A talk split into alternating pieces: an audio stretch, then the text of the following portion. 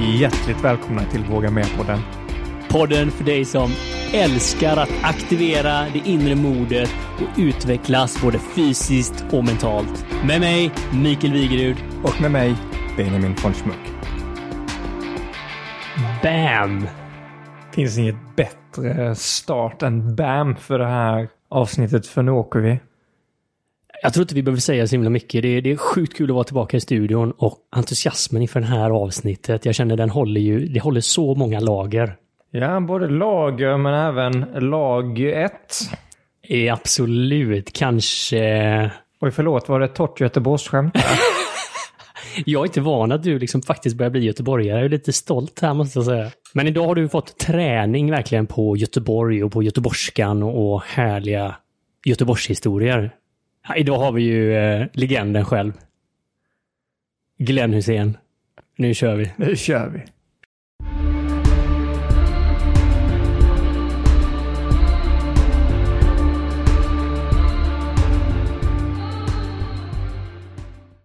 Ja, idag befinner vi oss här med en, eh, en riktigt inspirerande person och eh, en legend på många sätt. Eh, inom de flesta branscher får man nog säga, för den här personen har ju lika många strängar på sin gitarr som en hel orkesters gitarr. Eh, Jag tror han har inspirerat eh, hela landet med asskratt och ja, hela landet med legendariska fotbollsmatcher. Så det är med stor ära idag som vi välkomnar Glenn Hussein till podden. Tack för det. Tack. Tjusigt. Tack för det. Det är jättekul att ha dig här. Ja, det är skitkul. Ja, men det är ju få som har varit med Glenn, väl om så jädra mycket häftiga grejer som du har varit med om. Jo, men det är alltså jag... Det är både tur och skicklighet liksom. Det är inte, det är inte bara att man har varit med om det här. Det, det, det är mycket som har ja, gått rätt liksom. Jag har varit nere i skiten jag också. Jag var inne på Arbetsförmedlingen två gånger efter jag fick gå från eh, TV3. Sporten där. Så jag har varit nere i skiten jag också liksom och tänkte vad fan ska jag göra nu? Men har man bara positiv inställning så, så löser det sig. Ja, det är så jävla häftigt alltså. Men då måste du ha lite flyt liksom. Att Ja. jag, hoppar in på ett ställe och så kom det en kille som heter eh, Patrik Hed som jobbar med matchmagasin. Ja, då fick jag komma in där och sen började jag igen och på den vägen mötte jag Unibet. Och sen blev det Unibet som jag fortfarande har kontrakt med. så det ena är det andra liksom. Det är inte bara för att man är... Tur spelar mycket in också.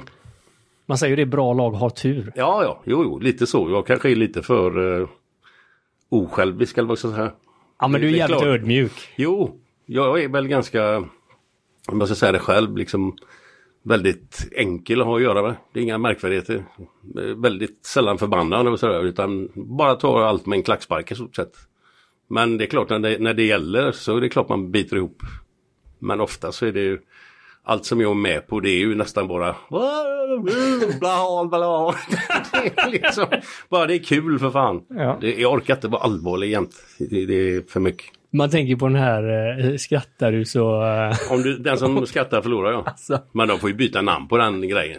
För det, alla skrattar ju. Det är Alltså. ju ingen som förlorar. Har du sett det Benjamin eller? Ja, ja, jo, det, det kan ha varit några timmar att kolla där. Nej, man ska, har man en dålig dag så ska man nog lyssna på något sånt. Eller sätta på Monty Python eller Galenskaparna After Shave. För då får man fan ett gött skratt. Det Det är så tidlöst, just liksom Monty Ja. Python också. Det är, 100 meter för döva. Han med pistolen så skjuter tio gånger, ingen reagerar. står de inte där bara och kollar på varandra också? Ja, ja, de fattar ju. De hör ju inget. Maraton för inkontinenta. De springer 10 meter, de ska springa 4,5 mil. 10 meter så går de ner och pissar i första diket. Hur får man in mer av, av sånt i vardagen då? För det känns som att allting är väldigt seriöst annars. Men tar vi, vi är en pandemi och ditt och datt och hur kan man se de här guldkornen eller göra vardagen till? Ja, Jag, jag, jag kan inte... Jag kanske är för enkel eller för, för laid back. Jag vet inte, men... Fan ska man se problem? Man kan se det ljusare. och nu- Den här skiten tar alla slut någon gång. Och det är bara rätta sig efter som det är nu då. Vad fan ska man hålla på och gnälla och hålla på? Man kan ju inte göra någonting åt det ändå. Eller att lägga energi på sånt man kan göra någonting åt. Som det ligger liksom utanför ens egen kontroll så är det inte lönt att ödsla energi på det. Nej, alltså det är jävligt svårt i alla fall om man ska få någonting gjort. För det är så stort det här som händer nu liksom, så att jag kan inte lägga ner någon energi mer än att göra vad de säger. Liksom. Nej, men det, det jag tycker det är så intressant och så rätt också, för att man kan ju lägga ner väldigt mycket mental energi på saker som man inte kan påverka. Nej. Som att jag tycker att eh, Kina borde hantera sin politik på ett annat sätt. Ja, då kanske jag kan tänka på det varje dag, men hur mycket kommer jag påverka? Och Nej, nej, men det är klart du kan tänka på det. Det, det, Ja. kan, det är väl upp till var och en, men, men det är inte mycket du kan göra åt det. Nej, och då är väl risken bara att det äter upp en. Ja, ja. Men det vi var inne på lite grann det här med att eh, man har kanske en viss... Saker och ting presenteras för en i livet. Ibland av en klackspark, ibland för att man är på rätt ställe vid rätt tidpunkt. Men det är ju inte alla som tar den chansen. Eller vågar göra det. Och här känns det verkligen som att det har du gjort vid flertal tillfällen. ja, det kan man nog säga. Det, har hänt ganska ofta. Ja. Men det är så jävla häftigt det här ju hur det har varit sådana svängar från dig. Ehm, jag, ska, jag, ska ta, jag var på väg med farsan, vi skulle åka skidor. Farsan hade en, en dröm, han hade inte åkt skid, längdskidor sedan 78. Och så sa han, "Nej, Mikael, jag får ta rygg på det här, jag måste ut och åka längd. Okej, så då är vi på väg då, då är det så här typ Göteborgs och längdskidåkning, Nu har vi haft lite vinter, men ändå så här, vart ska man åka då där det finns konstsnö? Så då stod det mellan Landvetter, Landehof uppe på berget där ovanför ishallen, eller att vi skulle åka till Borås. Så jag till farsan, jag får gå in och reka lite vad som står liksom eh, på skidspår.se. Och så går jag in och så kollar jag Landvetter och så står det fina spår, bra, riktigt, riktigt rekommenderar. Så går jag in på Borås och så läser jag i bilen så här till farsan va. Ja, det står så här. Sex av fem. Rena Glenn Hussein-klassen. farsan bara, jag kör mot Borås. Hur länge sedan är detta? det är en vecka sedan. Ja, men det är ju roligt att höra. Ja, ja. Då är det liksom, det är typ bara en person i Sverige som av Aftonbladet, Sportbladet, då har fått sex av fem i Jag betyg. tror då Expressen får vara Expressen var det kanske. Ja, ursäkta, men det, vi tar om det. Det är bara utav Expressen så är det bara en i Sverige typ som har fått eh, sex av fem i, i betyg då. Vad, vad ligger det för story bakom just att det blev så här? Då? Ja, det var, vi hade ett första VM-kvalet inför VM 90. Det gjorde vi 88 då, började första matchen. Det var England borta på Wembley. Är- man kan inte, som fotbollsspelare kan man nog inte, ja det ska vara Brasilien och kanske eller något. För det är absolut det optimala. Man kan spela på Wembley inför 100 000 och möta England. Som man har följt på tv då i Tipsextra sedan 67 eller vad fan är det? Eller något. Alltså gå ut där måste vara som att ta Ja, ja, droger ja. alltså. Men själv, själva när man sitter i omklädningsrummet så hör man liksom hur det rasslar lite på hur det fylls på med folk liksom. Och så vet man ju att de tar, det tar ju 100 000 och det kommer ju bli 100 000. Men hur är den känslan när man sitter där och man kollar liksom sina kollegor i Ja men det är ju ögonen det och... som man vill ha varje vecka liksom. Den känslan liksom, fy fan. Så är man, ju- man är ju helt fokuserad. Och då puls 40 då Ja, eller? fan vet ingen.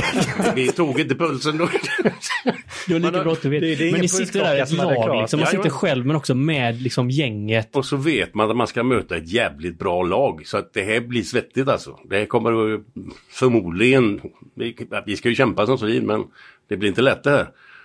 Och så reser man sig upp och så går man ut och så är det liksom en korridor, liksom en, uppåt så här. Så går man ut där och det smattrar i golven med skruvdubbar och det luktar liniment. Och man är ju sån här alltså. Det är precis som man ska gå ut som en jävla gladiator liksom på en arena. Och så kommer man ut och så bara kommer det här och och så är det, men det första man ser så är det 10 000 svenskar i ena hörnet där borta. Och de hörs fan, i, även om de andra 90 000 är ju... Lät de så jävla mycket svenska? Ja, det var det ruggigaste jag hört alltså. Och så har man då bara fok- fokuserat, där är våra gubbar. Skit i resten, skit i de andra. Men var det så, koppla bort 90 000, se de 10 000? Ja, det var ju inte alltid så under hela 90 minuterna men, Men ibland. men ibland jo. Men som, eh, det blev ju 0-0. Och jag hade lite flyt, jag hade ett par brytningar och sådär som gick jävligt bra av andra ord. Och det var därför jag fick sex getingar av fem. Så jag, jag, jag frågar mig inte varför men det gick jävligt bra bara. Men det, har du också en grej att det var ju två straffsituationer. Men det var ingen straff på någon av dem. För jag tog bollen varje gång. Jag var inte i närheten av gubben. Men hade, hade domaren stått fel och inte sett det som han gjorde så kanske han har blåst två straffar istället. Och då är man ju för fan idiotförklarad istället för att vara hjälte då. Så det är ju så jävla lite som skiljer liksom. Men nu blev det ju åt rätt håll då. Och han hade ju rätt domare för det var inga straff. Men det är jävligt intressant det där. Nu blir det 6 av 5 i Expressen. Ja. Alltså, har aldrig, du kan tänka hur många matcher som har spelats. Och det har ju aldrig hänt efteråt. Nej, och sen, jag vet bara att det är en gubbe till som har fått det. Och det var eh, Bruce Springsteen på Ullevi. Han fick sex och fem också, vet. Så är då välkommen i klubben. Det finns en sån här LinkedIn-kanal då för de som har fått. Ja, men det var väl också den legendariska då när Ullevi höll på att rasa, va? När Bruce... Eh, Ja, nej, det var, jag, jag vet inte exakt under vilket år det var sådär. Om det var, ja, jag vet inte. Jag kan inte svara på det. Ja, nej men det är jävligt spännande det här som du säger. För att nu, nu säger du lite flyt och det är jävligt ödmjukt, men det var ju, alltså, du spelar ju som i flow, typ i trans. Alltså det går nästan inte att, att göra sådana brytningar och det gick ju inte att komma förbi det, det tog ju alltid. Men det, det, det är ju så att alla förutsättningar som fanns där som jag har berättat det här nu. Man är uppfödd med engelsk fotboll och möter England på Wembley. Alltså det finns ju inget större. Det, det, kan inte, det, det är om du möter Brasilien på, eh, vad heter det, jävla stadion där, Maracana. Ja. Maracana. Men det här är ju alltså det största du kan göra som fotbollsspelare. Finns inget större. Mm, både England och Brasilien är ju så kära i, i den här Ja, ja, ja. sporten också. Och så, så har man ju, man känner ju till varenda spelare. Ja. Jag vet, mötte Gary Lineker, John Barnes och Chris Waddle. Det är bara idoler hela Brian Robson. motståndargänget. Alltså, pff, Terry Butcher. G- Chilton i mål. Alltså, det är ju storgubbar allihop för fan. Det är inte svårt att tända till kan jag säga. Men, hur, men byggs det här upp liksom flera veckor innan till att man bara sitter här och är på väg ut och man känner liksom hur det sticker i kroppen? Ja, man, men det är inte... Det, man, får, man blir ju påmind hela tiden att ja, nu är det England om en vecka. Och pff, man, jo, det är klart man, man, man tar åt sig det, men det är ju inte förrän du sitter där du känner det här riktiga. Alltså riktigt påtagligt. Ja, det, dagen innan är ju inte lika nervöst liksom. Det är ju som... Hur, hur är det med sömnen natten innan? Den var inte så jättebra. Inte för att jag kan säga exakt hur många timmar jag sov, men... Ja. Men sen var det också en jävla konstig grej efter matchen. Av någon jävla anledning så hamnade jag, Thomas Ravelli och Roland Nilsson. Alltså jag fattar inte hur fan vi hamnade på någon brasiliansk jävla sylta. Och stod på en scen med tre mickar så här som vi sitter här. Och sjöng Lili Marlene. Tätt intill varandra stod vi hand i hand, ingen kunde klandra att vi stal en kyss ibland. En gammal jävla låt. Där stod vi tre och sjunger. Sjung karaoke på denna. Ja, nej, det var ingen karaoke. Jag Alltså- vet inte fan vad, vem som hade fått upp oss där. Inte en aning. Men det här var innan sociala medier och sånt, alltså det går inte att få tag i detta klippet. Nej, det tror jag inte. Det fanns inget sånt då. Nej, nej, nej. nej. Det var lika bra det. Men, men det, du, alltså man kan ju nästan, när du berättar den här känslan, man sitter där i omklädningsrummet för att gå ut, på, alltså det bubblar i hela kroppen. Du har ju varit i några sådana här lagsammansättningar som, har- som är unika i världshistorien. Vad tänker Typ. du med nu? Ja, men i, ibland är det som att eh, man är ett lag, alltså man är individer, men på något sätt så, så bara klaffar det så man får ut typ mer än vad som är möjligt, som när ni mötte England den här matchen. Okej, nu säger man att det var Glenn mot England, men, Ja, men men det laget var ju också jävligt bra. Jajamän.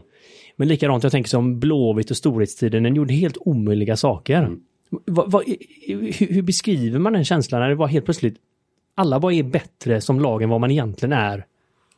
Ja, det, alltså det är ju varje spelare som, får, som, som höjer sig lite grann. Men det som är, nej, jag kan ju snacka om Blåvitt om man säger så. När Svennis kom dit 82. Eller han kom ju dit, eh, när fan kom han? 81 eller vad fan var det? Nej, jag kommer inte ihåg exakt men han, fick, han hade ju en jävla förmåga att få ut 100% av varje spelare på det de var bra på.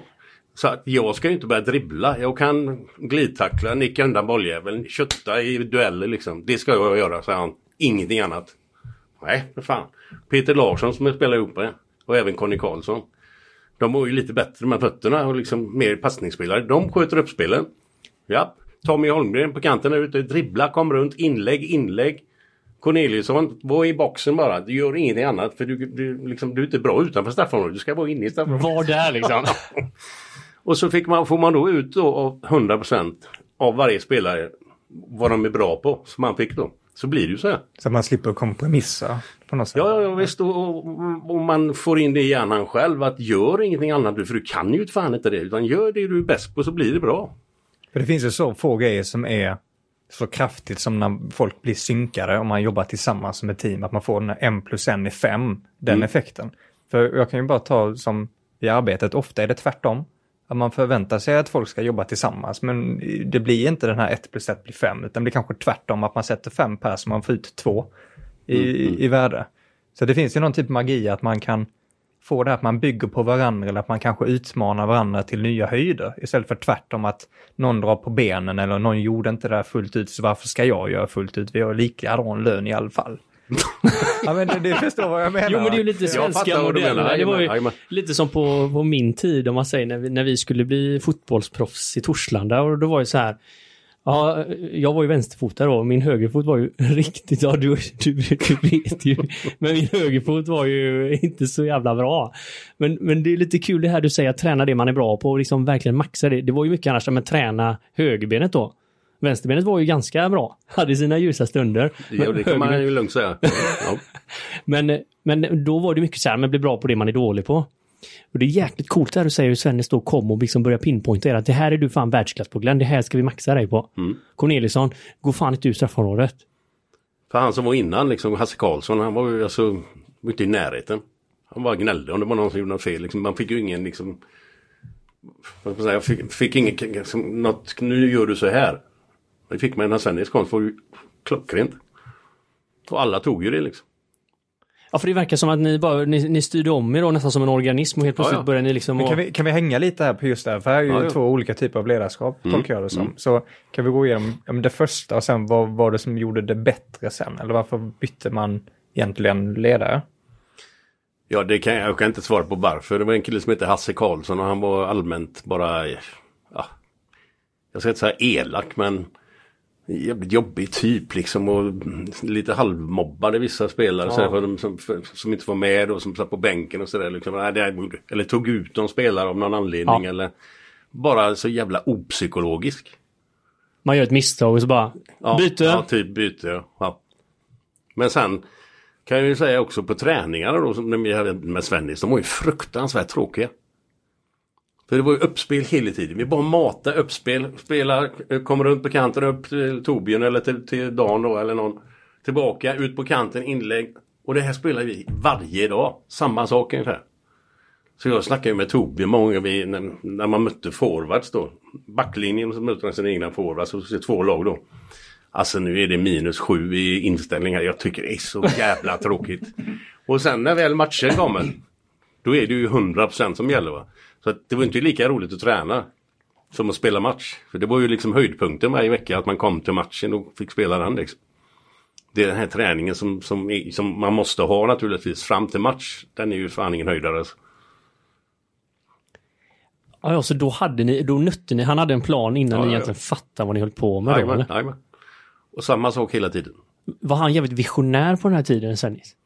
Nu, vad, vad, vad, hur, vad är det? Visionär? Hur, hur, att Alltså- bredsynt eller? Ja, men jag tänker eller? sig, idag så finns det ju massa teorier och idéer om hur man ska bygga, vet, få till den här magin i lag eller framförallt kanske taktiskt om fotboll, hur man ska spela fotboll och sånt. Men, Mm.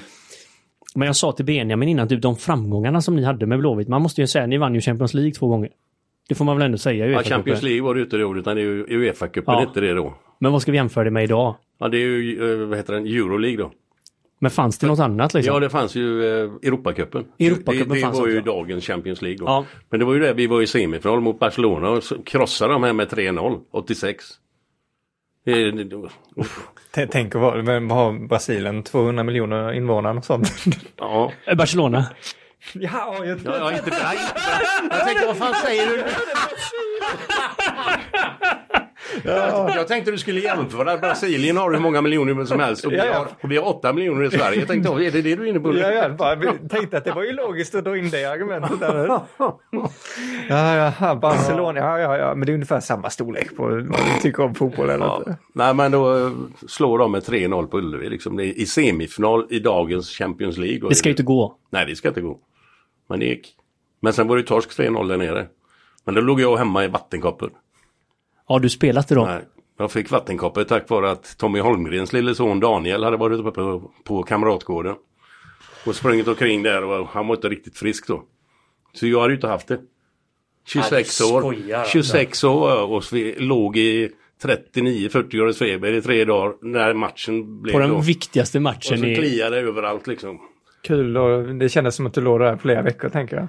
Nej, inte flera veckor låg jag Nej, men det kanske kändes så. Ja, fy fan. Alltså, så se skiten också. Jag tänkte även om det är Barcelona vi möter. Med den formen vi är i. Vi torskar inte där nere med Nej. 3-0. Det går inte. Och eh, jag har ju träffat han nu senare, Daniel. Jag ber han dra åt helvete varje gång jag ser han. Nej, det gör jag inte. Ja, för nu är han vuxen då liksom. Vuxen. Du din Då jävel. var han tre, fyra år tror jag. Det är lite komiskt nu i pandemitider när man liksom snackar så mycket om sånt här. Skicka in då i världens bästa fotbollslag inför den viktigaste matchen. Skicka in en vattenkoppssjuk unge. Men de tänkte ju inte att, han, att det fortfarande smittade. Liksom. Men ändå liksom. Men, eh, ja. Ja, ja. Men det var så mycket tillfälligheter med den här matchen. Här. Ruben Svensson spelade ju mittback då istället för mig. Sen fick han ju flimmer för ögonen inför andra halvlek som han har haft tidigare någon gång. Jag vet inte fan vad det var men. Då fick ju han gå ut. Då fick Stig Fredriksson gå in i mitten. Och han är ju ingen struts direkt. Så att det, blev lite... De gjorde ju två nickmål. De två första tror jag. De, bara de, ja. Men jag säger inte att det är Stigs fel men Men det finns hade det varit en med längd så kanske han hade klarat av det där inne. Så det är ju inte Stig Stickans fel på något sätt. Det fanns ju inget al- alternativ. Men det är bittert liksom att ligga och se det där i en säng hemma i lägenheten och se. Det trodde jag aldrig alltså. Jag trodde aldrig. Även när det var Barcelona. Det skulle inte gå. Nej. Men alltså hur, hur fan kunde ni bli så jäkla bra? Du har varit inne lite på tekniska och taktiska grejer. Men det finns ju några sådana här mjuka värden också som ofta är så här svåra att mäta och sånt och så. Hur, hur var det i det här lagsammansättningen då? Jag kan säga att nummer två, alltså nummer ett är ju alltid att du måste ju vara en bra fotbollsspelare. Det, det går ju aldrig att komma ifrån. Men sen hade vi det så jävla roligt. Det var alltså, man går ut till träning, då visste man, ah, nu kommer den här jävla träningen igen. Ut med hjärnan, häng upp den på galgen och så in och kör bara. När du kommer in i omklädningsrummet, in med hjärnan och så jävlas vi så mycket vi kan. det var ju sådana jävla stenåldersgrejer, klippa sönder kalsonger och sådär. Och Men kan du inte ta... pissa på varandra i duschen och sånt där. Det väl- man känner man bara en varm stråle. Varm, det blir varmt på, på, på utsidan av låret. Jag tänkte, vad fan. Står in och pissar på en liksom. Om, om, om du tar, tar in oss i, i omklädningsrummet efter en vanlig... Ja, men du kan ta eh, efter, efter en vanlig eh, träningstillfälle. Mm. Vad, hur, hur är energin? Är det man, man sätter tillbaka hjärnan in i kroppen? Ja, ja, det är högsta nivå alltså. Alla pratade mun på varandra liksom. Och det är ett jävla kacklande liksom. Och, ja, det var grymt. Fantastiskt alltså. Men det här blir som något smörjmedel för den här lagmaskinen då Ja, eller? ja. Alltså, det, det kan ju vara ett, ett lag som är jävligt bra fotbollsmässigt, liksom samma sak. Men så har de inte samma kemi i omklädningsrummet. Det har jag varit med om, i- fan, både i PSV och i, Fiorentina. Vi var ju kanonlag på plan, men det var ju så jävla trökiga jävlar de flesta. Det var ju ingen som vågade pipa, eh, säga någonting utöver det vanliga liksom. Fan, vi, sådana grejer som, även om det kunde gått snett, men vi hade en, kraft, en kräftskiva på Kamratgården. Och alla blev ju rätt så i, i trasorna där uppe liksom. Och Wernersson, Thomas Wernersson, målvakten och hans fru. De hade cyklat från, de bodde i Kallebäck, cyklat upp. Och den cyklarna med sig. Så på vägen tillbaka så kunde du bara rulla ner liksom. Och då fick vi den fantastiska idén. Vi skruvar loss framdäcket lite grann på Wernerssons cykel. Ja, på fyllan naturligtvis. Så. så när han tog cykeln då på natten, eh, i vid två, tre någon gång. Så glider de ju ner där, och det är ju ingen fara. De glider ner i backen där. Så första rännstenen som kommer, så lyfter han ju styret så här, så går ju däcket rätt fram. Så han flog rätt i backen med huvudet rätt i asfalten. Han kunde ju dött för fan. Alltså vilken skratt åt det nu när vi vet Jo, jo, men det, alltså, Schysst! men alltså, när han kom till träningen, då, två dagar senare var det väl, då var han ju skrap så ville Han var måttligt glad också va? ja, ja, ja. Och han fattade ju att det var, ja. Detta var en tidigt innan Jackass var påkommet liksom. Ja, det var en mildrig grej om Jackass. Alltså, jag, jag kan... Jag, jag, Steve, eh, Ja, vad hette han Jackass-stjärnan? ja, Steve, ja, fan. Ja, Han hade varit jävligt stolt nu i alla fall. ja men det, ja, det här det är väl kanske nästan nivån över om man säger så. Jag tänker med hela den här backen och sen så ser jag hjulet bara fortsätta där. ja, ja. Och så frugan där, hjälp! Det är nästan sån här slow motion. Ja, men det, det, det, är de- det är de grejerna som förgyller tillvaron. Även om inte det här var det bästa. Men eh, att det här med att man har kul liksom. Att det, det händer någonting. För i, i, Flo- i Fiorentina liksom, det var bra fotbollsspelare. Baggio spelade jag med. Dunga var med andra säsongen. Det var ju inga dåliga gubbar. Men de är ju inget... Men hur, hur- skapar man förutsättningar för det här då? För att det, det känns som att det, här, nu är vi på en nivå så att det, liksom, det är svårt att egentligen komma mycket högre. Och folk generellt lär ju vara ganska tävlingsinriktade, annars tar man sig inte dit. Nej, nej. Så att man kan ju välja att inte dela med sig kanske, att nu kör jag mitt eget spår, jag ska göra mig själv så värdefull som möjligt. Eller så kanske man gör tvärtom, att man försöker hjälpa folk och man försöker se sig själv som, som Mikael sa, en organism. Mm. Hur sätter man liksom rätt förutsättningar eh, att, att få det här till att bli ett riktigt teamwork? Alltså hur du gör exakt, det, det, det, det vet jag inte. Men det är ju som jag har sagt här, som Svennis då, att han, att han, eh, han, han läser av spelarna på ett jävligt bra sätt. Han är ju unik när det gäller eh, alltså att få ihop ett lag liksom. Eller unik är han inte, för det var ju samma i Liverpool när jag var i Liverpool med Kenny Daglish. Han var ju likadan, helt fantastisk. Så hade vi två tränare, Ronny Moran och eh, Roy Evans. Det var ju de tre som skötte alltihop där. Och de, gubbarna var ju jävligt bra fotbollsspelare men vi hade ju skitkul. Det var likadant här i omklädningsrummet. Massa jävla dösnack liksom och så ett par bira efter träningen och så. Biran ute är det viktigaste men det, det alltså. Jag ska inte förespråka det där men jag kan ju säga att vi hade ju jävligt roligt. Ja. Ja, men medlen är väl lite... Ja, ja, och det är ju inte alla som, vissa gubbar kan inte, våga kanske inte öppna sig och sådär. Så tar du två, tre bira så, ja då jävlar kommer de igång lite va. och, det, och och jag trodde hur fan ska det här gå? Första veckorna jag var där, fan de krökar ju rätt rejält alltså. Inte dagen innan match då, men, men under veckan i övrigt. Sen vinner du ligan. Du vinner hela skiten första året jag var där. Du vann ju ligan. Det måste ju bero på att de andra håller på likadant, de andra lagen. Annars kan det ju inte gå liksom.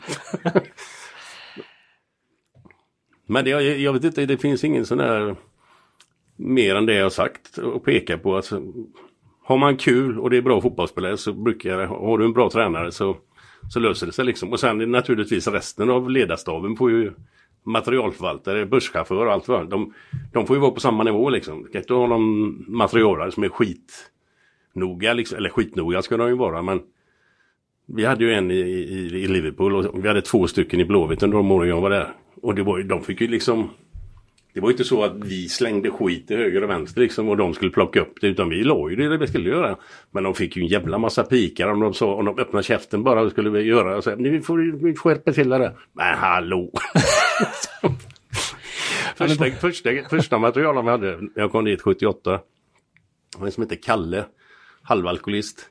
Man skötte sitt jobb perfekt. Jag gjorde aldrig något fel liksom. Så hade vi en försäsongsmatch på Vallala på konstgräset där. Så hade vi en kille som heter Reine Albo, en, en från Jonsered, en mittback. Så kom vi ut i halvtid.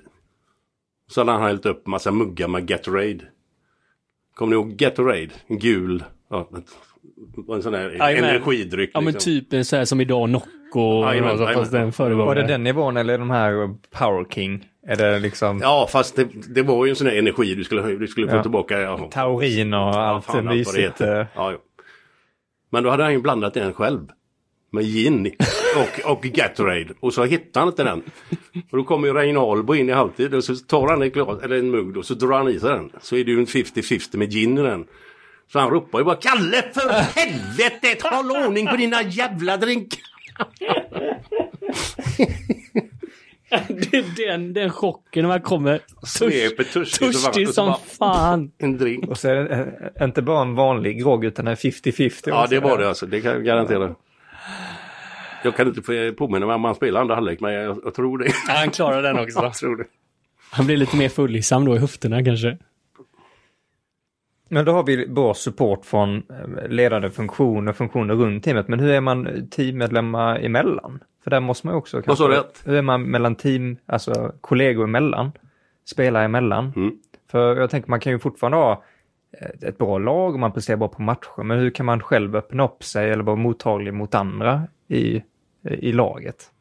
Ja men det är ju alltså bara, jag ska inte säga men jo, bara, vi bara vara öppen och, och glad liksom. Och, och man träffas ju, gjorde vi med Blåvitt och även med Liverpool, man träffas ju även utanför fotbollen. Och lär känna personen i fråga liksom även fast inte är på planen och tränar eller spelar utan hur funkar han privat liksom. Det kan ju vara en dag och natt, det vet man ju inte. Men träffar man gubbarna tillräckligt mycket och lär känna dem så blir ju kemin ännu bättre liksom. Och när du vet, ja, nej, kan nog inte Säger jag något till honom så bryter han ihop liksom. Och det lär man sig inte på plan, det lär man sig utanför plan. Att man faktiskt ser lite mer av ens kompisar än att man är högerback och Ja, yes. vänsterfotad. Och... Men, men sen var det ju aldrig, i alla fall inte de åren i Blåvitt och i, i, i Liverpool, var det aldrig något eh, att man sa något dumt till någon eller sådär. Det var ju på skämt då i sådana fall, man skämtade om någonting. Men aldrig att jag skulle skälla ut någon. Det är om de bara kanske, men det händer ju jävligt sällan. Men någon inte ger hundra liksom. På matcher. På träningen är en helt annan sak, men på matcherna. Ger du inte hundra så fick de ju reda på det alltså. Men det var inte så att man skällde ut dem, men höjde rösten lite bara. Men när man var inne i det här, då gjorde man sitt bästa liksom. Ja, ja, ja. Jag har aldrig, jag, jag aldrig ska jag inte säga, men det är väldigt sällan i alla fall att jag har blivit irriterad på någon spelare. För att han inte har gett järnet. Det är fan vet. Det är jävligt coolt att vara men, eh, när, runt människor som gör sitt bästa i någonting man utövar. Sen behöver de inte vara alltså, världsmästare i fotboll, liksom dribbla och vara bra och göra mål och allt det. Det finns ju gubbar som gör det. Men de är som sliter som djur. Tord Holmgren exempelvis, han är ingen fotbollsspelare. Men jävla han sprang ju en maraton varje match. Men folk som går igenom betong liksom för att Ja, ja, ja, vi ja. ska till andra sidan istället för att stå där och klaga på hur hög eller tjock den här väggen är. Men så har han slitit där som ett jävla djur och så kommer bollen ut till hans bror Tommy Holmgren. Drar han runt på kanten och så ett stenhårt inlägg och där står Dan eller Torbjörn eller någon och dunkar in dem bara. Så har han gjort för, förjobbet där liksom. Nej, det är en jävla skön känsla.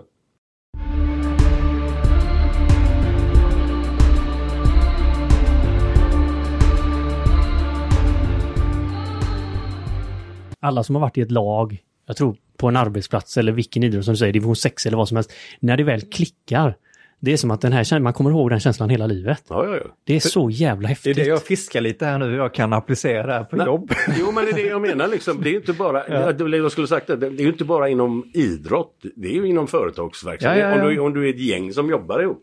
Får du ut det bästa av varje gubbe så blir det ju samma där. Ja, och jag, det, för mig så låter det som att det borde vara så självklart. Men sen Ja. så i, ibland känns det som att verkligheten just kanske på arbetsmarknaden är ibland annorlunda. Att man ser kanske inte till hur de här individerna ska passa ihop och att man liksom är strategisk utan man, man ser något CV där och sen tar man in någon gubbe ganska så direkt och sen tänker man det här blir jättebra. Sen så ni löser det själva. Och så ser man liksom eh, inte teamet på samma sätt. Nej. Men det är ju en sån som, sak som man hör och farsan han har alltid klagat i modern tid på Blåvitt att förr så valde man spelarna för att de skulle passa in i laget och i gemenskapen. Det, man, det kommer man, alltså stämmer det? Rekryterar man på ett annat sätt då? Jag, jag kan inte svara på det för jag vet inte hur det går till. Jag är så utanför det här nu så att jag... För, med, det är nästan som man skäms lite. Men jag, alltså, jag kollar varje match. Men jag är ju inte... Jag vet inte vilka som de köper in eller sådär. Eller jag, jag ser matcherna och så, Men vad de, vad de har för filosofi eller det här. Men jag kan hålla med dig. Att just den biten. Att de köper inte spelare som ska passa in som de gjorde förr. Nej, det gör de inte. Utan nu är det mer, är det en kille som är bra och sen kan de köpa tre samma, samma spelare liksom. Så, För hur var det när, på eran storhetstid om det kom nya? Alltså var ni involverade på något sätt eh, innan folk kom eller nej, nej, nej, nej, välkomnade nej, ni nej, dem? nej, men de var ju hur välkomna som helst och så fick de ju lite skit och de lite, stå och pissa på dem i duschen. Så.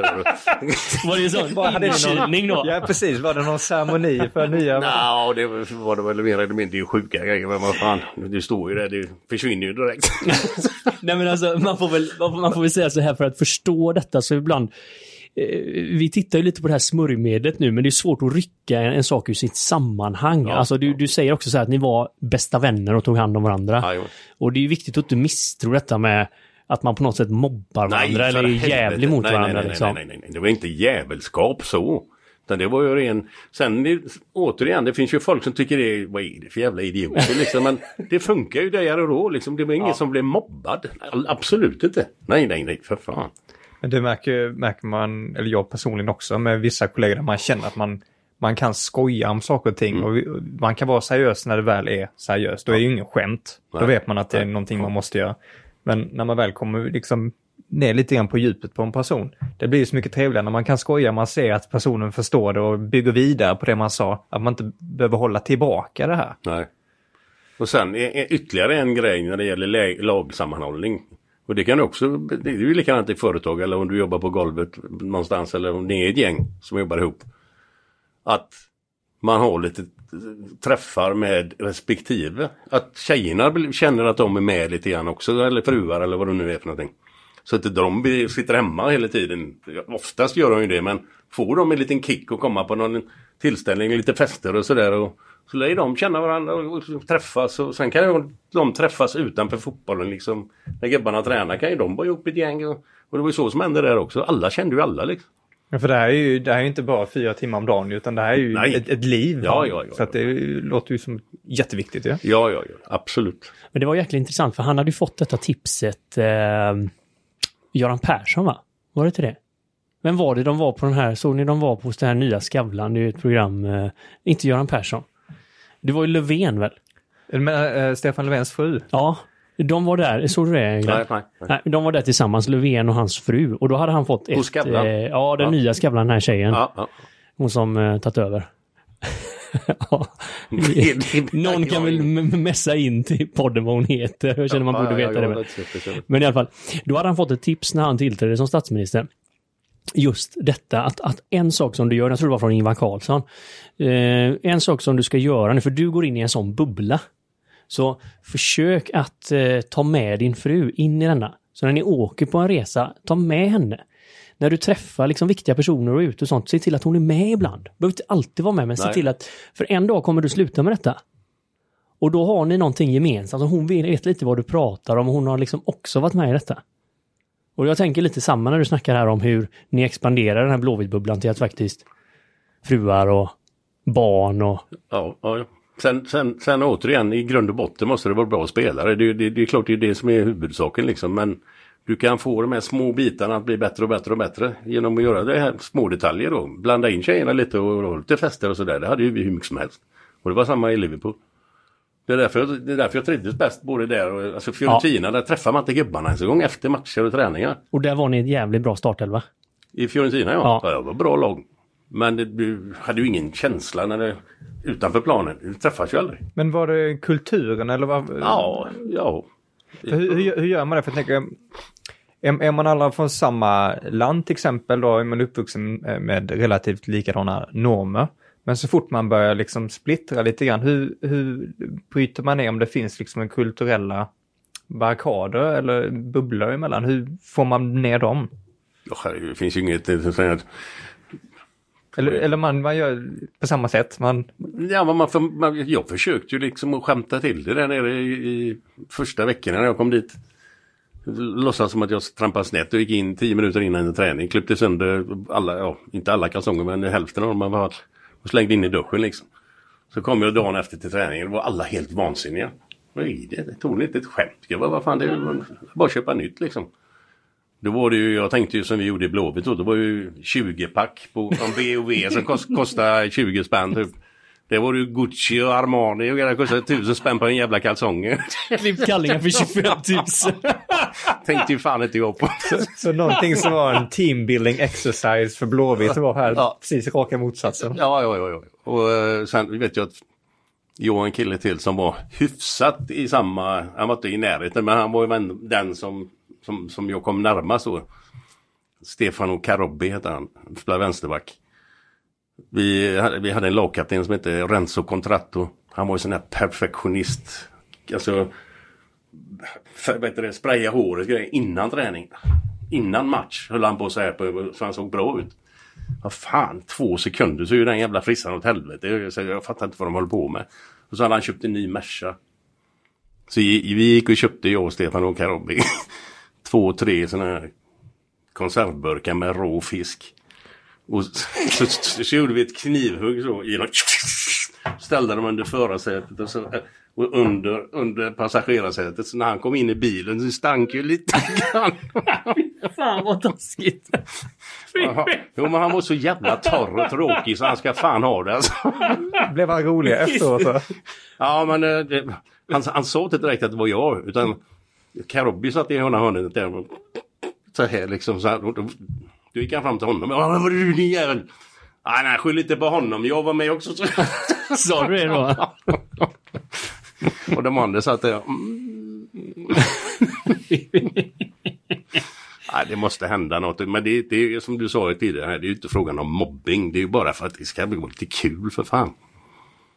Ja, men om man ser hur finkänsligt det är ändå, att det går inte alltid att applicera. Det som, Nej. det som var helt klockrent i Blåvitt, det blev jävligt knackigt då med det här gänget. Eh, Ja, ja, man kan inte dra en, en grej över alla liksom. Så att alla ska funka så. Det, det, tyvärr är det inte det. Men som jag sa återigen. Tre år i Liverpool och de sju år eller åtta år jag var i Blåvitt. Det var ju pff, fantastiskt. Ja. Helt sjukt. Men det måste varit... Eh, alltså den känslan, hur fan är det att tillhöra något sånt här? Ja, alltså, när man är mitt inne i det så tänker man inte så mycket. Man kör ju bara. Men det är ju, går ju på räls liksom bara. Man, ja, ska jag på träna och ja, ut med Bruce Grobler och Allan Hansen och gänget där och Peter Beardsley. Ja, vad fan. Är man det så går man i den bubblan bara. Blåvitt med Torbjörn och gänget, alla de här.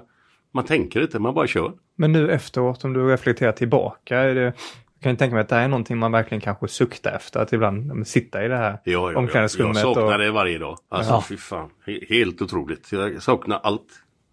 Inte, inte träningen då. det saknar jag inte alls.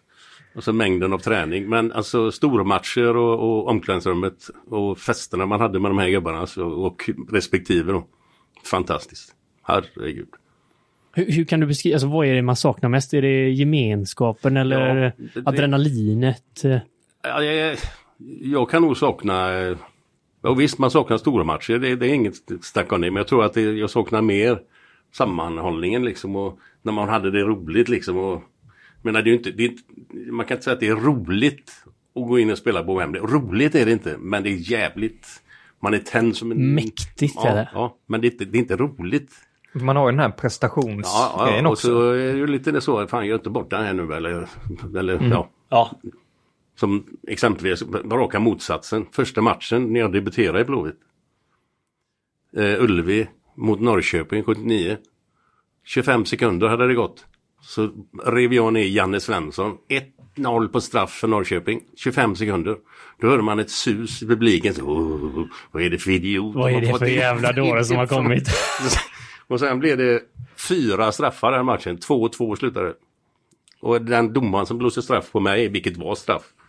Han blev utbytt för att han blev skadad. Så då kommer en annan gubbe in och blåser tre nya straffar. Så det var ju ingen debut man glömmer direkt. Men det här känns ju så jävla knivskarpt när man får det här. Jag kan tänka mig när du har kommit in gjort det här misstagen att det kan lätt bli hjärnspöken som jagar en. Ja, jo, men det får man ju bara koppla. Alltså det, det bästa som hände direkt efter hade, de hade gjort mål. Så kom ju Conny Karlsson fram till mig som lagkapten då. Och klackade mig på, på axeln så här. "Tch, Du, tänk på en sak här nu bara. Det kan fan inte bli sämre. Kör på bara. Kör på. och det tar man ju med sig liksom. Fan vilken fin grej alltså. Ja. För där kunde du ju gått ner Ja, ja, ja, dig. Han fullständigt. Direkt kom fram för fan, skit i det nu. Han visste det här är ett jävligt viktigt ögonblick att ta hand om Ja, Glenn. ja, ja. Det, det glömmer jag aldrig, fy fan. Fan, för det här får mig att tänka på en match ute på Torslandavallen. När du är tränare, Glenn. Mm. Och då, eh, jag tror jag har ett par situationer som jag, jag hamnar i tidsnöd nere på vänsterbacken. Och jag kände så här, jag var så jävla jagad av eh, dåliga tankar liksom.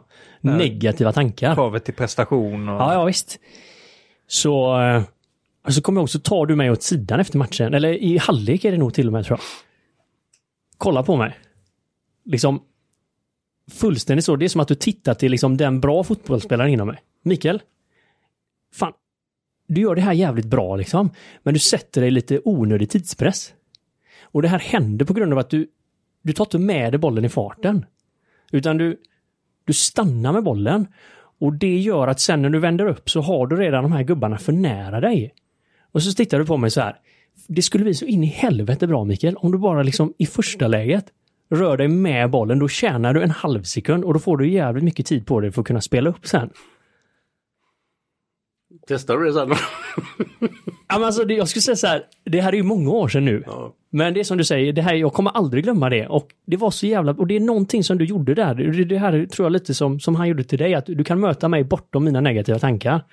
Och faktiskt lyfta mig samtidigt som du också ger ett taktiskt tips liksom. Så det, jag skulle väl gjort det kanske ännu mer och fått det tipset tio år tidigare i karriären. Vem var, eh, vem var det som var med eh, som tränare då? För första, jag kommer ihåg, första året var det väl jag och Lasse Palmqvist va? ja, Och sen var det Teddy Olausson. och sen var det Teddy Lagesson, ja, för du var med med båda dem va? Ja, ja, Detta var med Palmqvist. ja. Då var, vi, då var vi juniorer uppe och tog lite B-lagsmatcher och fick vara med och provspela. Ja, jag hade nog hand om B-laget. Ja, du hade hand om B-laget. Ja, det var jävligt roligt då. Man var ju så, alltså man var så sjukt stolt också när man i Torslanda fick vara med och spela med B-laget. Det var typ det största som fanns. och så Glenn som tränare då. Ehm. Och det här är en specialegenskap som, som är så mäktig som jag undrar så här, man skulle kunna ta in mer i livet. Att, att som vi pratade lite om företagen, så hur kan man hitta de här små nycklarna som bara blir frigörande? Det där enkla samtalet gjorde mig typ 20% bättre. Men, den, men det är ju som, som eran podd heter, den heter Våga eller vad heter det? Ja. Det gäller ju för, för, för dem som är, alltså om du har en, en ledare på ett företag, det gäller ju att våga säga till dem då liksom på ett bra sätt. Vad är det här på ett bra sätt? För att säga Man till är inte- ju många man som ska gör. inte skälla liksom. Nej. Det hjälper ju fan inte att skälla på någon som har gjort något misstag eller som utan man- försöka liksom få in ett, ett positivt tänkande bara. För det är ju nästan lättare att göra precis tvärtom. Antingen så skiter man i det. Och då får den här individen egentligen ingen feedback eller Nej, överhuvudtaget. Man nej, vet inte om det var bra eller dåligt och det var ingen som egentligen efterfrågade tydligen det jag har gjort. Eller så säger man du det är bra, jättebra du har gjort det här. Men Mm. om du gör så här. Och då är liksom allt innan som var att det var jättebra, det är bara borta. Det är ju typiskt så här hur vi i Sverige talar. Alla väntar på män. Ja. Eh, men, uh, men... Benjamin, det där gjorde du bra, men... Men så som du framförde egentligen hur Mikael kunde göra annorlunda var ju inget egentligen kritik på Nej, hur han gjorde det. Så här är ju liksom en eh, fundamental bit i ledarskap att kunna växa personer istället för att man kanske tänker att man gör det men tvärtom är att för att man liksom plattar till. Mm. nej, nej, nej. Det, och alla har ju inte den, alla tränare har ju inte den, den egenskapen liksom. Det, det, det finns ju många tränare som har lyckats ändå trots att de inte har den här ja, lite medkänsla och lite så här, utan stentuffa då. Men i, stora, i det stora hela så är det de som vinner i längden. De här som har lite ja, tanke bakom. Men hur, hur tänker man i den situationen om, om vi nu har någon som lyssnar på detta som har mera äh, arbeta? Om man vill höja dem, om man vill eh, ja, men växa personen till nya höjder. Hur, hur kan man liksom i det här samtalet istället för att kanske tvärtom trycka ner dem eller dra tillbaka dem? Ja, men det, det, det är ju risk för upprepningar men det som vi har varit inne på här hela tiden. Liksom positivt för fan. Har de gjort en tabbe? var Okej, det var en tabbe men herregud. Nästa gång så gör du så här så blir det bättre. Man ska inte gå in liksom och kritisera någon på det sättet för det blir ju fan inte bättre av det. Nej. Nej, och det ges ju sämre. så in i helvete med feedback som då är negativ och kritik Ja, skulle man ju kalla det med ja. ett vanligt ord. Och det är likadant med barn, föräldrar, alltså alla där liksom, vad är det man egentligen säger? Ja. Men sen är det inte så, alltså man kan, man kan inte man kan inte tänka på varenda jävla ord man säger heller va. Men jag har ju aldrig använt, jag har aldrig skällt ut någon. Någonsin. Varken på eller utanför plan. Det finns, jag, har aldrig haft den liksom, varför ska jag göra det? Ja, men du har ju fattat mycket liksom som man kanske behöver skriva i böcker idag för att eh, alla, alla har till detta naturligt. Men eh, Nej det är lätt att säga men eh, skriva bok kan jag nog inte göra tror jag. Om det är någon där ute som lyssnar så vi är redo för en bok till från Glenna. Så den Ja, men de, klar. de, när du ändå är inne på det, de, här, de böckerna som jag har skri- skrivit. Det är ju bara, det är bara massa jävla skämt. Det är ju inget allvar någonstans. Det är ju bara massa jävla dögrejer. En jävla toalettbok som man kan skratta lite när man sitter och skiter. Ja men är det inte lite som du varit inne på, är det inte det som behövs lite ibland också? Att det har blivit för, för vissa, seriöst? för liksom? vissa tar sig alldeles för mycket på stort allvar liksom. Så relax, coola ner lite. Ja, det är sånt jävla bra tips. Jag, jag kände själv hur man ibland kan bli lite... Ja, Jag, jag skulle vilja, det här Glenn, en, en gång till egentligen med det här att leva med den här, som du säger, jag har saknat det varje dag.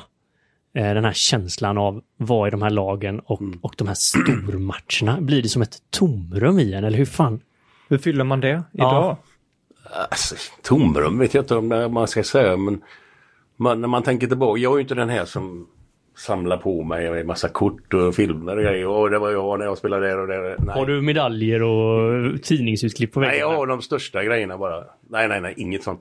Det, nej, jag har, jag har, det är min farsa som har samlat på det hela tiden och så har han gett mig det då. Men jag tror inte att jag har fått med mig det.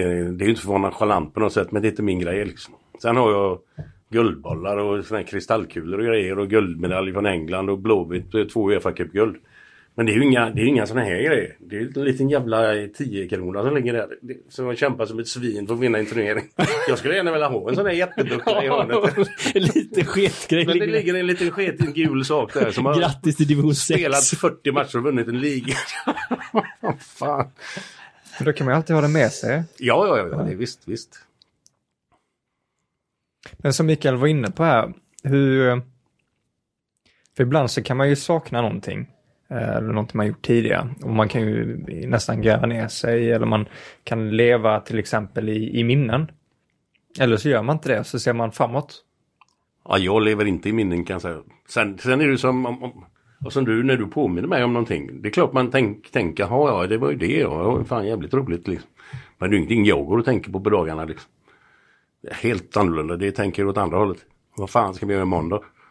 Så det är ju inte för att nonchalant på något sätt utan det, så är det bara. Jag kan inte hjälpa det. Nej, men det känns jävligt bra. Alltså, jag, jag, jag såg nu när du var hos hon eh, Malou, va? Ja, ja. Och ni snackade lite om det här ju. Eh, Och så var väl hon och rotade lite där och ville liksom så här, men är det inte så att du är mer negativ? Och du, nej men vad fan, det finns ju ingen anledning. Nej, kan inte ljuga upp någonting. Men grejen med den, med, alltså, när vi ändå är inne på den, med, från Sivers. Jag åkte ju dit upp för vi skulle snacka tvillingar. Jag är ju tvilling. Med Karina då. Och så olika tvillingpar och sånt där. Och jag satt ju och pluggade. Det var ju Ravelli-bröderna och bröderna Lundqvist i Frölunda och vilka det nu var mer. Det var ju fem minuter av 45 eller någonting. Om snacka om, om, eh, om tvillingar. Resten var ju fan fotboll och vad som hände nu och sådär. Det var ju helt... Och då hade du ändå förberett dig Ja, ja, fan, fan. Jag skriver ner ett, ett, ett A4-ark. så här, Fan, inte ett skit. Men hon är god den tjejen faktiskt. Jävligt Hon är fantastisk, trevlig, Jättegod. Och bra liksom. Hon kan, hon kan diskutera vad som helst. Hon är jävligt påläst också antagligen. Men det blev lite för mycket av det andra. Det blev lite tvillingsnack. Men var det något speciellt att möta henne? För vissa människor har ju någon sån här karisma eller närvaro eller något som man bara känner att fan vad läckert det var att träffa den personen. Nej, men det var lättsamt. Så, Ja. alltså, det, man känner ju ingen nervositet eller någonting eller sånt där. Nu känner jag ju, nu går vi in på andra grejer, jag känner ju Janne Josefsson jävligt väl. Han är ju skitgod. Men hade jag inte känt honom, då hade jag varit pissnervös och ville snacka med honom. Alltså. Men nu känner jag honom, han är ju jävligt god, Ja. trevlig, underbar gubbe. Men han är ju rätt tuff när det kommer till diskussioner och sånt. När han knackar på dörren. Det hade inte jag velat vara med. Nej men jag tycker det är jävligt spännande för Janne Josefsson han är ju han är med överallt i allting som händer nu. Och eh, det är så jävla spännande det här för att nu är ju hela poängen med att han, han ska sluta jobba. Men han vill fortsätta jobba. Men han har på något sätt nått den här nivån att nu, nu ska du lägga av. Tror du att det känns för Janne Josefsson som när du klev bort från de stora arenorna, liksom att, att nu slocknar strålkastarna? Jag vet ju inte hur han är på det sättet. Jag, jag, känner, jag känner honom men inte så jävla väl. Men hur han är när det gäller den biten. Jag, jag, inte, jag kan inte svara på det. Om han skulle, om han är den här tillbaka tanken. Men jag, jag tror inte det alltså. Men hur, hur är det för... Vissa personer kan ju separera vad man kallar work-life balance. Att man har ett arbete och sen så har man eh, fritid. Och jag, är väl, så- jag vet inte riktigt om man kan göra det. Jag tror att arbete är en stor del av livet. Om man får ut mycket energi av arbetet så har man liksom en positiv närvaro. Mm. Och hur gör man då till exempel när man ja, avslutar en karriär eller byter karriär och helt plötsligt så byter man en sån stor del av sitt liv eller liknande. Hur förbereder man sig eller liksom, Tappar man identiteten eller hur? Alltså jag skulle säga att nu, nu, jag hade ju en jävla tur. Alltså när jag slutade spela på toppnivå. För att sista året jag var i, i Liverpool och den sista, sista tiden jag var där. Så ringde TV3 och frågade om jag hade lust att kommentera en match. Vi hade spelat med Liverpool på lördag och så var det Everton Tottenham på söndag. I Liverpool då. För de vi spelar ju bara 500 meter från Anfield så ligger ju deras arena. Och frågade om jag kunde kommentera en match ihop med Anders Fredriksson. Vet du vem det är eller? Ja, Ja, ja kan jag göra så. Och där började ju den här kommentatorsgrejen då. Och sen höll jag på där i 18 år.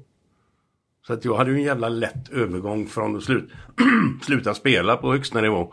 Och sen tänka vad fan ska jag göra nu liksom.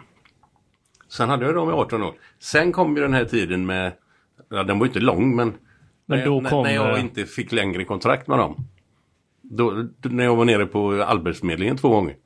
Och fick ut, han fick ju betalt och någon sån här, vad heter det? A-kassa? Ja, a-kassa. Ja. Ja, det, det är såna jävla kontraster. Ja, ja, visst. Alltså det är helt sjukt. Och då var man ju lite sådär, vad fan händer nu då? Vad fan ska jag göra nu? Och så gick det några veckor, liksom så här, eller någon månad eller två kanske. Och så kom ju Patrik Hed och tjatade, kan du inte komma ner och hjälpa oss lite här? Och, jo, visst.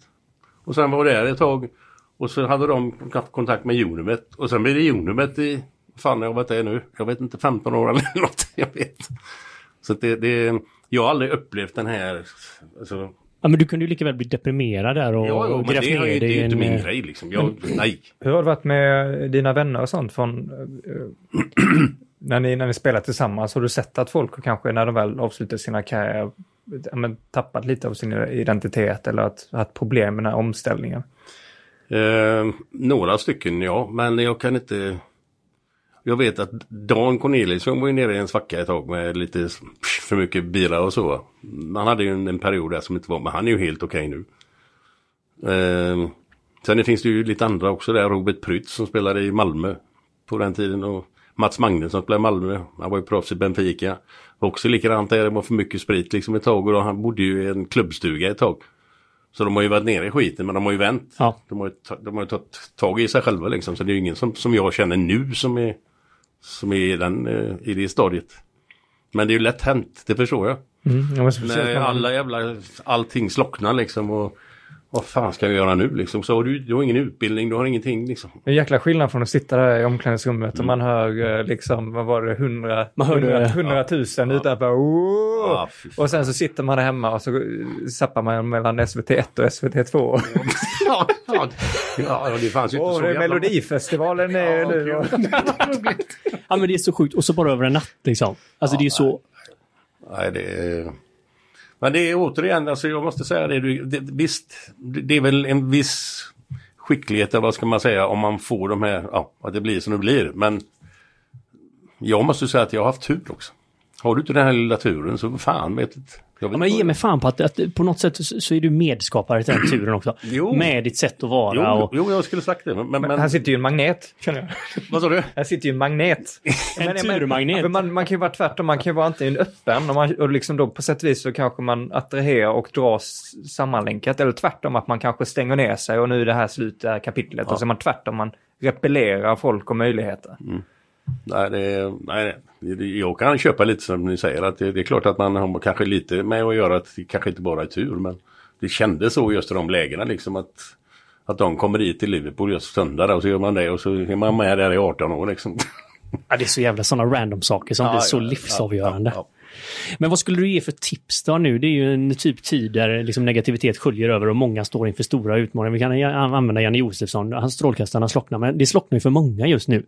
Och det händer jävligt mycket för många personer runt om i världen. Vad, vad skulle du ge för tips liksom? ja, tips. Jag är ingen jävla eh, rådgivare eller psykolog eller...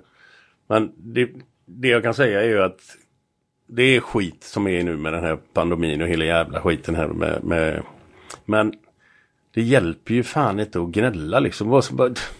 Du, du, du kan ju inte göra någonting åt det ändå liksom. Du, du får ju bara acceptera så här är det just nu. Och det, det gäller ju bara att få in det, eller bara bara, men få in det i huvudet att någon gång släpper det väl det. Det här kommer ju gå över någon gång liksom. Man, det är den tanken du måste ha. För att hålla på och gräva ner sig liksom, det blir fan inte bättre. För att du deppar ihop och tycker det är skittråkigt allting. Man får väl hitta på nya grejer. Jag kan säga, jag har ju inte så jävla mycket jobb nu. Så att jag har börjat kolla på eh, serier på, på tv, på Netflix. Och även Camilla liksom. Jag har ju inte sett en serie i hela mitt liv. För fan, jag tyckte det är skittråkigt.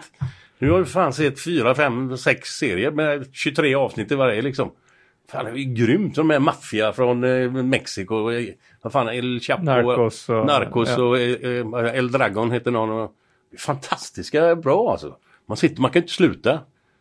Man bara byter. Oh, är det fyra avsnitt kvar. Vad fan, vi kör dem. Ja, vi kör dem Det är också. två och en halv timme det- Där har vi suttit allihopa tror jag.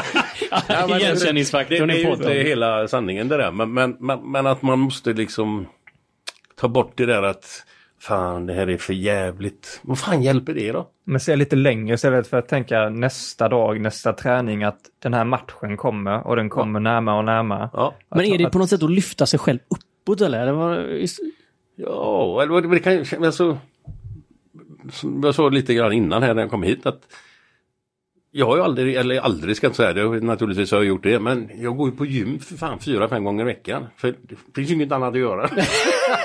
Man ser det på din kropp. Men ju, det är ju som, eh, positivt. Du, får, du känner dig bättre. Du mår ju bättre för fan. Än att bara sitta hemma då. Jag är ute och går och spelar tennis och paddel och grejer. Så man är ju för fan igång lika mycket nu som man var för 20 år sedan. Fast inte på samma nivå då. Så att eh, nej, eh, det är lätt att säga kanske men jag, jag kan inte se någon anledning till att Alltså man, man ska vara så jävla negativ. Tänk åt andra hållet istället. Men sen, nu vet inte jag exakt vad det är för alla. Nej men det får man hitta själv. Men det är jävligt tydligt. Ja, ja, Vänd, tänk åt andra hållet. Ja. Ja, det är grymt Glenn. Den får vi ta med oss. eh, Det är lätt att säga, men alla är ju inte sådana. liksom. Men jag ser inte... Nej men det är där utmaningen är. Ja, ja, alla har ju möjligheten. Ja, ja, det är ju ingen som inte kan göra det. Och har man nu Tycka varit, synd själv, eh, liksom, tyckt synd om sig själv hela livet och varit negativ hela livet, ja men fan se till att nästa tanke då blir åt andra hållet. Ja, ja. Så jag tycker det, det blir sånt fint avslut för att det här är någonting som alla kan jobba med. Och känner man att man har varit väldigt dyster eller bara sett mycket problem under dagen, att göra tvärtom.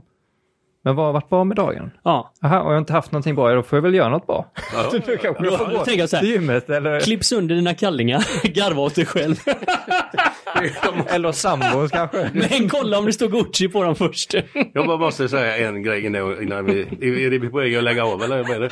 Nej men säg nu, säg nu. ja. Nej men alltså, eh, sådana här grejer som förgyller tillvaron lite. Sen, jag kom in i omklädningsrummet i, i Liverpool, på Anfield i Liverpool, första, en av de första träningarna. Hamnade jag bredvid Bruce Grobbler, en målvakt från Zimbabwe.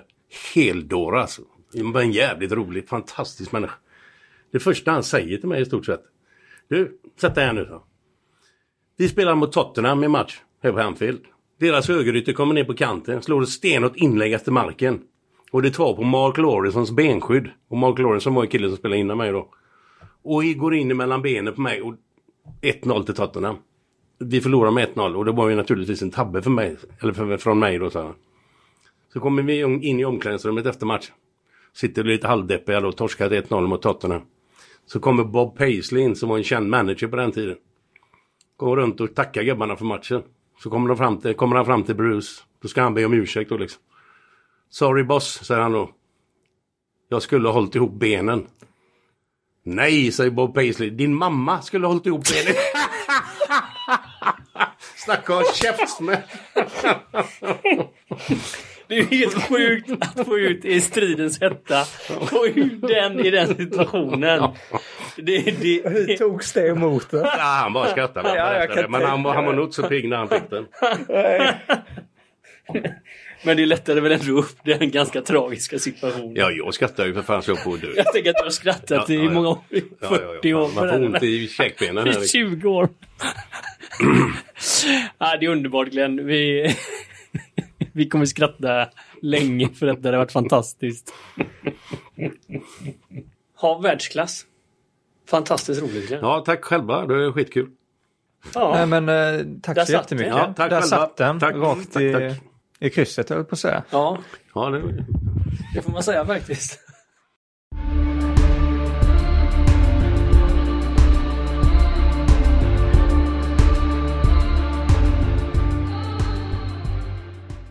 Du har precis lyssnat på Våga Mer-podden.